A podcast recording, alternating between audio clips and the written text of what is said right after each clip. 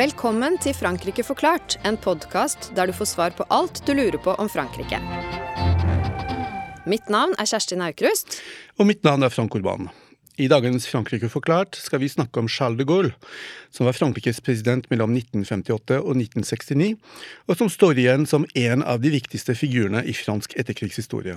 I år skulle de Gaulle feires ikke bare én gang, men tre. Han ble født for 130 år siden, døde for 50 år siden og holdt sin berømte appell til alle franskmenn om å gjøre motstand mot nazi-okkupasjonen av Frankrike for 80 år siden.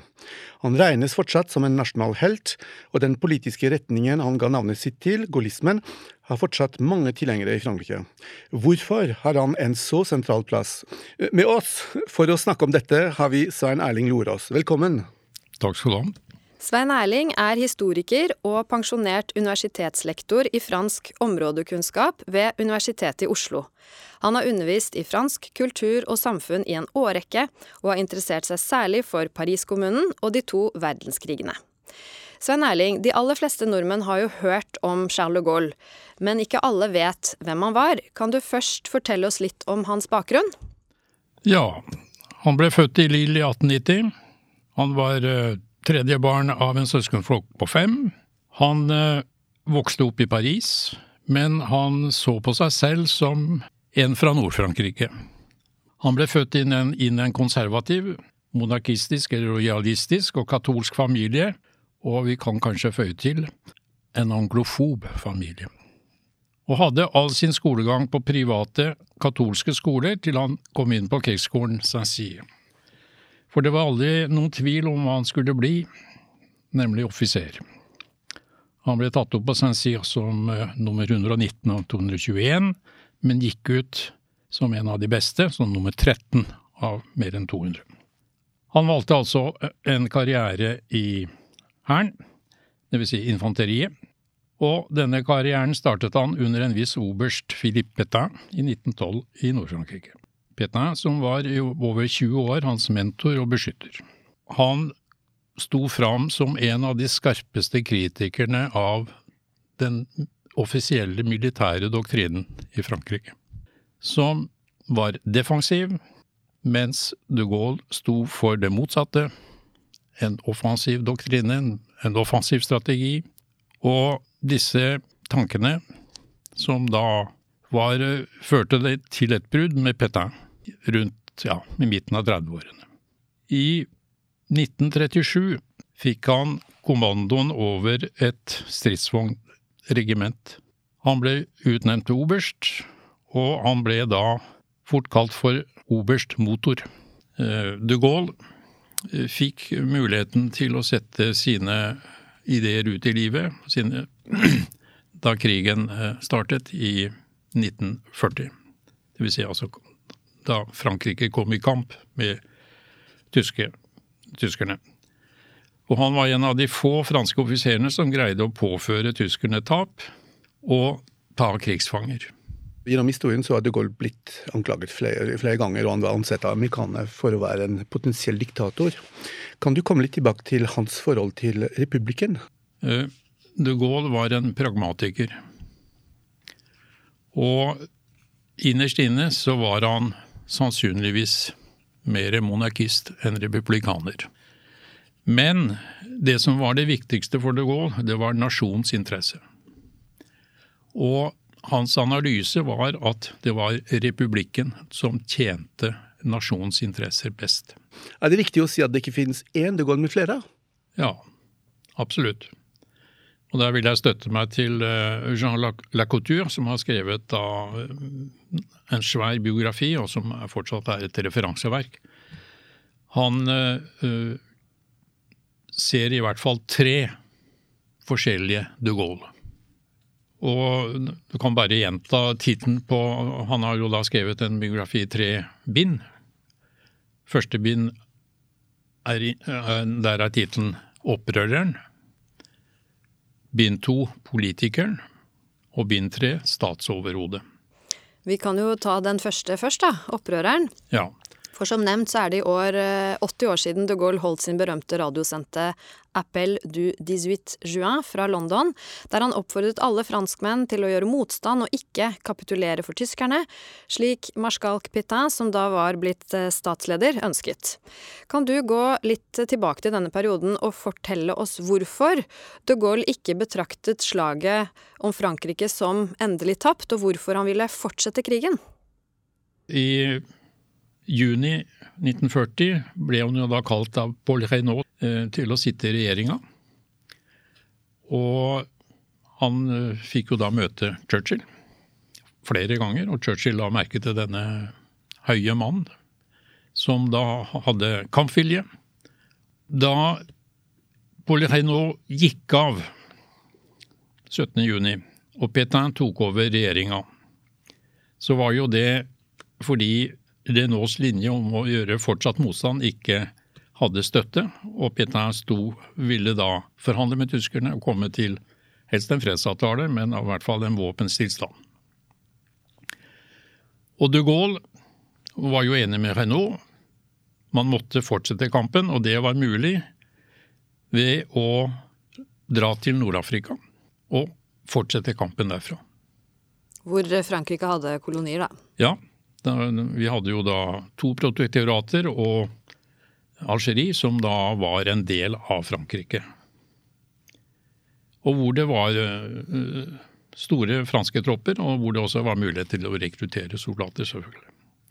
Og Det var da utgangspunktet for denne appellen som han fikk holde i BBC eh, takket være Churchill. Hvor denne appellen var først og fremst retta til de franske soldatene og offiserene som var i England 18.6. Det var de som var kommet tilbake fra Narvik. Og de var alle de som var blitt redda av britene eh, rundt Dunkerque og blitt frakta over kanalen. Så han dannet eh, det som omtales som La France Libre, ikke sant? Ja, han, eh, han starta jo da utefronten, ville vi ha sagt. Og fikk jo etter hvert han fikk, hadde jo ikke noe stor oppslutning til å begynne men fikk eh, etter hvert større og større oppslutning. Han uh, mislyktes i å trekke Nord-Afrika og det franske Vest-Afrika inn i kampen, men Ekvatorial-Afrika sluttet seg til det frie Frankrike.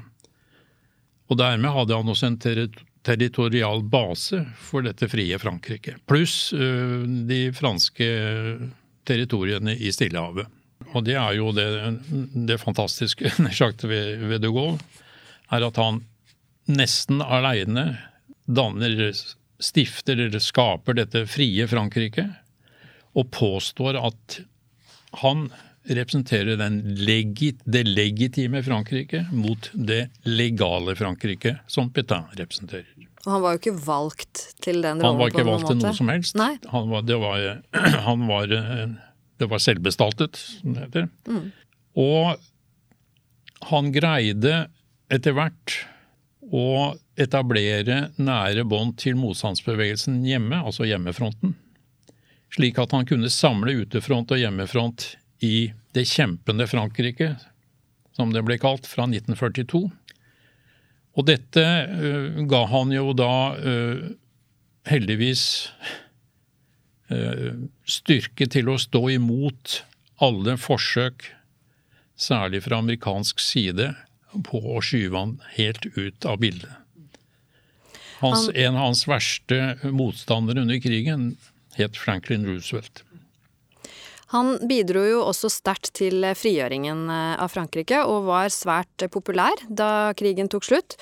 Han ledet i tillegg landets midlertidige regjering fra 1944 til 46, men så, så, så ble han jo ikke president, slik kanskje mange forventet. Eh, og, og isteden så tok han avstand til den nye grunnloven, som ble vedtatt i 1946, og gikk inn i det som omtales som den store ørkenvandringen, la traverse du, du désert. Hvor, hvorfor skjedde dette? Ja, jeg vil først uh, minne uh, om det store han gjorde.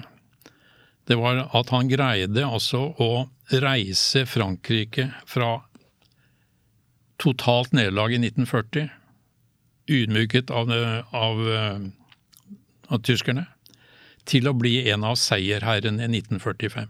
Men hvorfor ble han Ja. ikke president i 46? Nei, det var helt utenkelig at han skulle stille opp til noe presidentvalg i, i, i 46. Uh, For det presidenten, altså presidentvalget ble jo holdt etter at grunnloven var vedtatt. Og han kunne jo, for, kunne jo ikke godta denne grunnloven, og det var helt utenkelig at han da skulle bli president for en republikk som han da satte alle krefter inn på å bekjempe. I tillegg så foregikk jo valget av president i 46 i Kongressen, dvs. Si at Senatet, eller Conseil de la République som det het den gangen, og nasjonalforsamlinga kom sammen og valgte presidenten. Altså det var da i utgangspunktet nokså gitt at det måtte bli en folkevalgt. Og de Gaulle hadde jo ikke noe politisk parti å støtte seg til. Han hadde ingen forankring i nasjonalforsamlinga eller i senatet. Så det var så å si utelukket han, han kunne vinne fram som uavhengig kandidat. Han var ikke folkevalgt. Og Dessuten så lå realmakten ikke hos presidenten, men hos statsministeren og regjeringen Ja, på den tiden, ja, på men- grunnloven. Ja, men det var jo det var jo derfor eh, de Gaulle bekjempet eh, Den fjerde republikk og den grunnloven som ble vedtatt eh, i, i 46. Så det var helt utenkelig at han kunne bli president i 46. Mm, fordi han, hans visjon var en sterk eh, utøvende Ja. makt, og det eh, ble ikke slik Den fjerde republikks Nei. eh, grunnlov Nei. så ut. Men du, du snakker om ørkenvandringen, ja. og den der vil jeg korrigere eh, Kan du, kan du, litt- hva er det for noe igjen? Kan du fortelle? Ja, det er da For, for meg så er det en, den en periode som er mye kortere enn den som mange opererer med. Ørkenvandringen det er, eh, går fra 1953 til 1958, hvor han trekker seg ut av det politiske liv. Og bruker tiden på å skrive sine memoarer. Ørkenvandringen startet ikke i 46. For i 46 så kastet han seg jo for fullt inn i det politiske liv for å bekjempe Den fjerde republikk. Og han kom altså tilbake eh, til makten i 1958. Kan du forklare hva var, hva var det som skjedde da? Hvorfor ble han kalt tilbake, og hva, hva var da hans visjon for Frankrike? Ja, i 58 så sto jo Frankrike tilsynelatende på, kanten, på randen av en borgerkrig. Og det skyldtes jo da Algerie-krigen. Og det var Han ble bedt om å komme tilbake av de militære for å redde fransk Algerie. Bak eh, dette ønsket sto jo også da de fleste franskmenn som bodde i Algerie, altså de så, såkalte svartføttene, og mange franskmenn i Frankrike. Men på den andre side så var det da de politiske partiene eh, som vendte seg til, til- til de Gaulle for å unngå borgerkrig. Og det var to forventninger da som ikke kunne forenes bak dette ønsket om at han skulle ta makta. Og da, da var vel et, eh, et premiss for de Gaulle at da måtte det en ny grunnlov til, ikke Ja, sant? det var, det, det var forutsetningen for at han kom tilbake. Og det er den grunnloven Frankrike fortsatt har i dag. Ja. Det sies ofte at de Gaulle forsøkte å finne et kompromiss mellom Frankrikes monarkistiske tradisjon og arvene etter revolusjonen i 1789, eh, da han stiftet Den femte republikk. Hvorfor var et slikt kompromiss viktig på han? ja, det var jo en del av hans, eh, hva skal vi si, eh, ideologi. Eh, Han så jo på seg selv som en samlende figur. Og han, eh, hans forsøk på å Eller det partiet, eller den politiske bevegelsen han dannet da i 1947, var jo et uttrykk for det. Det var altså ikke et parti, men en bevegelse som skulle samle det franske folk. Og, og det, denne bevegelsen den hevet seg over partiene, og kunne ikke defineres som et venstreparti eller et høyreparti. Den sto over. Og det var hans øh, kongstanke, at han skulle samle det franske folk. Og dette holdt han jo fast på til siste slutt. Han skulle være en samlende figur som en konge. Mm. Og, og, dermed dannes da, du snakket om ideologi, den politiske retningen man kan kalle gaullismen, da. Hva er kjernen i, i den? Ja, hvis vi skal gå tilbake til definisjonen til den en historiker som har analysert dette på en overbevisende måte, så føyer altså gaullismen seg inn i en, en lengre tradisjon som vi kaller for bonapartismen. Det som karakteriserer bonapartismen, det er en sterk statsleder, i dette tilfellet da presidenten, som har reell makt. Han respekterer de, de demokratiske grunnprinsippene altså valg eh, med allmenn stemmerett. Eh, han eh, går etter sitt eget syn mente jo de Gaulle at han gikk lenger enn enn republikkene gjorde, fordi at han da hadde hyppig bruk av folkeavstemninger, som da var en, for han det mest demokratiske måten å styre på. Altså en, en dialog mellom direkte dialog mellom statslederen, presidenten og folket. Men når det gjelder synet på Frankrike, så beskrives gaullismen veldig ofte som en form for åpen nasjonalisme. Ja. Eh, kan du forklare litt, hva, hva er åpen nasjonalisme kontra uh, lukket? Nasjonsinteresse er det, det viktigste. Uh, det er den man skal tjene, og, da, og at nasjon skal da være uavhengig, suveren. Samtidig som man ikke har noen ekspansiv utenrikspolitikk som eh, nasjonalisme ofte byr på. Altså, ja. De Gaulle startet ingen krig og forsøkte ikke å erobre territorier. Nei, det gjorde han ikke. Han eh, tvert imot. Sagt han, det var jo han som gjennomførte avkoloniseringen i, i, Frankrike, og det var jo han som da ga Algerie eh, uavhengighet i 1962. Og det var jo det store sviket for uh, de militære og for eh, de såkalte svartføttene og alle de andre som da drømte om å beholde fransk Algerie. Ja, fordi vi, vi, snakker, altså vi bygger om tittel 'Alle elsker de Gaulle i Frankrike', men det gjør man ikke. Altså, Nei, det, det, er vel eh, få politisk, franske politiske ledere som er blitt sterkere hatet enn de Gaulle. Og ingen har vært utsatt for flere attentat eller attentatforsøk og overlevd som de Gaulle. Mm. Eh, du nevnte dette med uavhengighet, eh, f.eks. Et, annet, et annet viktig begrep når det gjelder utenrikspolitikk, er dette med, med grandeur. Ja. Eh, og, og, hva betyr disse begrepene innenfor det utenrikspolitiske, og da særlig da med tanke på de Gaulles europapolitikk? Ja, europapolitikk hadde han jo. Mm. Men han hadde da en, sin egen europapolitikk, og det var da l'Europe des Nations, altså nasjonenes Europa. Eh, som skulle bygge på den tysk-franske forsoning, og det er et aspekt som jeg gjerne vil trekke fram, som er kanskje blitt glemt. Eh, det er at en av de viktige tingene som de Gaulle gjennomførte, det var forsoningen med Tyskland.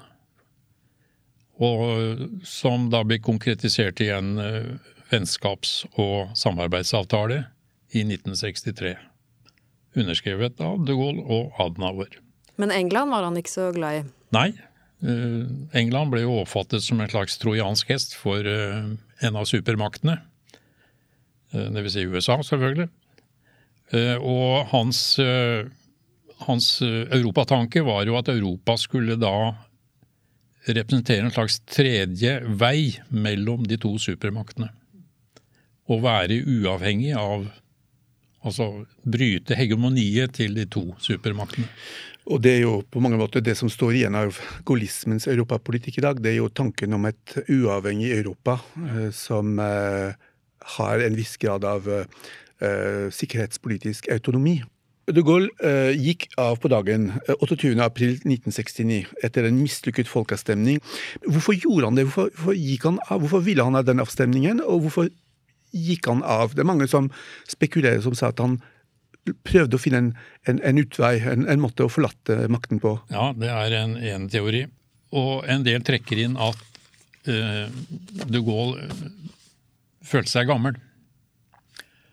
Han sa jo det i 58 at han kom til makta ti år for seint. Han, han, så ikke for seg at han kunne få gjennomført alt han hadde tenkt å gjennomføre. Og i 68 så er han da 78 år og føler seg gammel, og tanken på døden, den plager han. Og så har jo han da opplevd eh, mai-juni 68, som svekker hans posisjon helt klart, og styrker posisjonen til hans nestkommanderende, Pompidou. Men hva ville han da med, dette, med denne folkeavstemningen? Jeg heller til den teorien som eh, Jean Lacouture uh, forfekter. Det er at uh, det var viktig for han å få bekrefta sin posisjon og sin legitimitet, legitimitet av folket på nytt etter det som hadde skjedd i 68. Helt til slutt så, så, må vi si to år om, om, dagens gaullisme. Det er mange som sier at de er gaullister eh, både på høyre og, og, venstre siden av det politiske landskapet. Vil du si at dagens gaullisme er ganske utvannet, eller er det fortsatt tro ja. mot de Gaulles verdier? Det er Marine Le Pen som nå gjør krav på å være den egentlige arvtakeren. Noe som er ganske paradoksalt. Det er veldig paradoksalt. Uh, hennes far står ikke bak det. mange elementer i partiet som uh, var med og stiftet parti 71, og som tidligere hadde uh, forsøkt å drepe Dogolf ved flere anledninger, så det er jo interessant å notere. Svein Erling, på slutten av hver episode ber vi vår gjest om å komme med en fransk anbefaling. Hva er din anbefaling til våre lyttere? Ja, det fins jo en, det finnes flere biografier, men jeg vil jo da trekke fram Jean Lacoutures biografi i tre bind. Den står seg.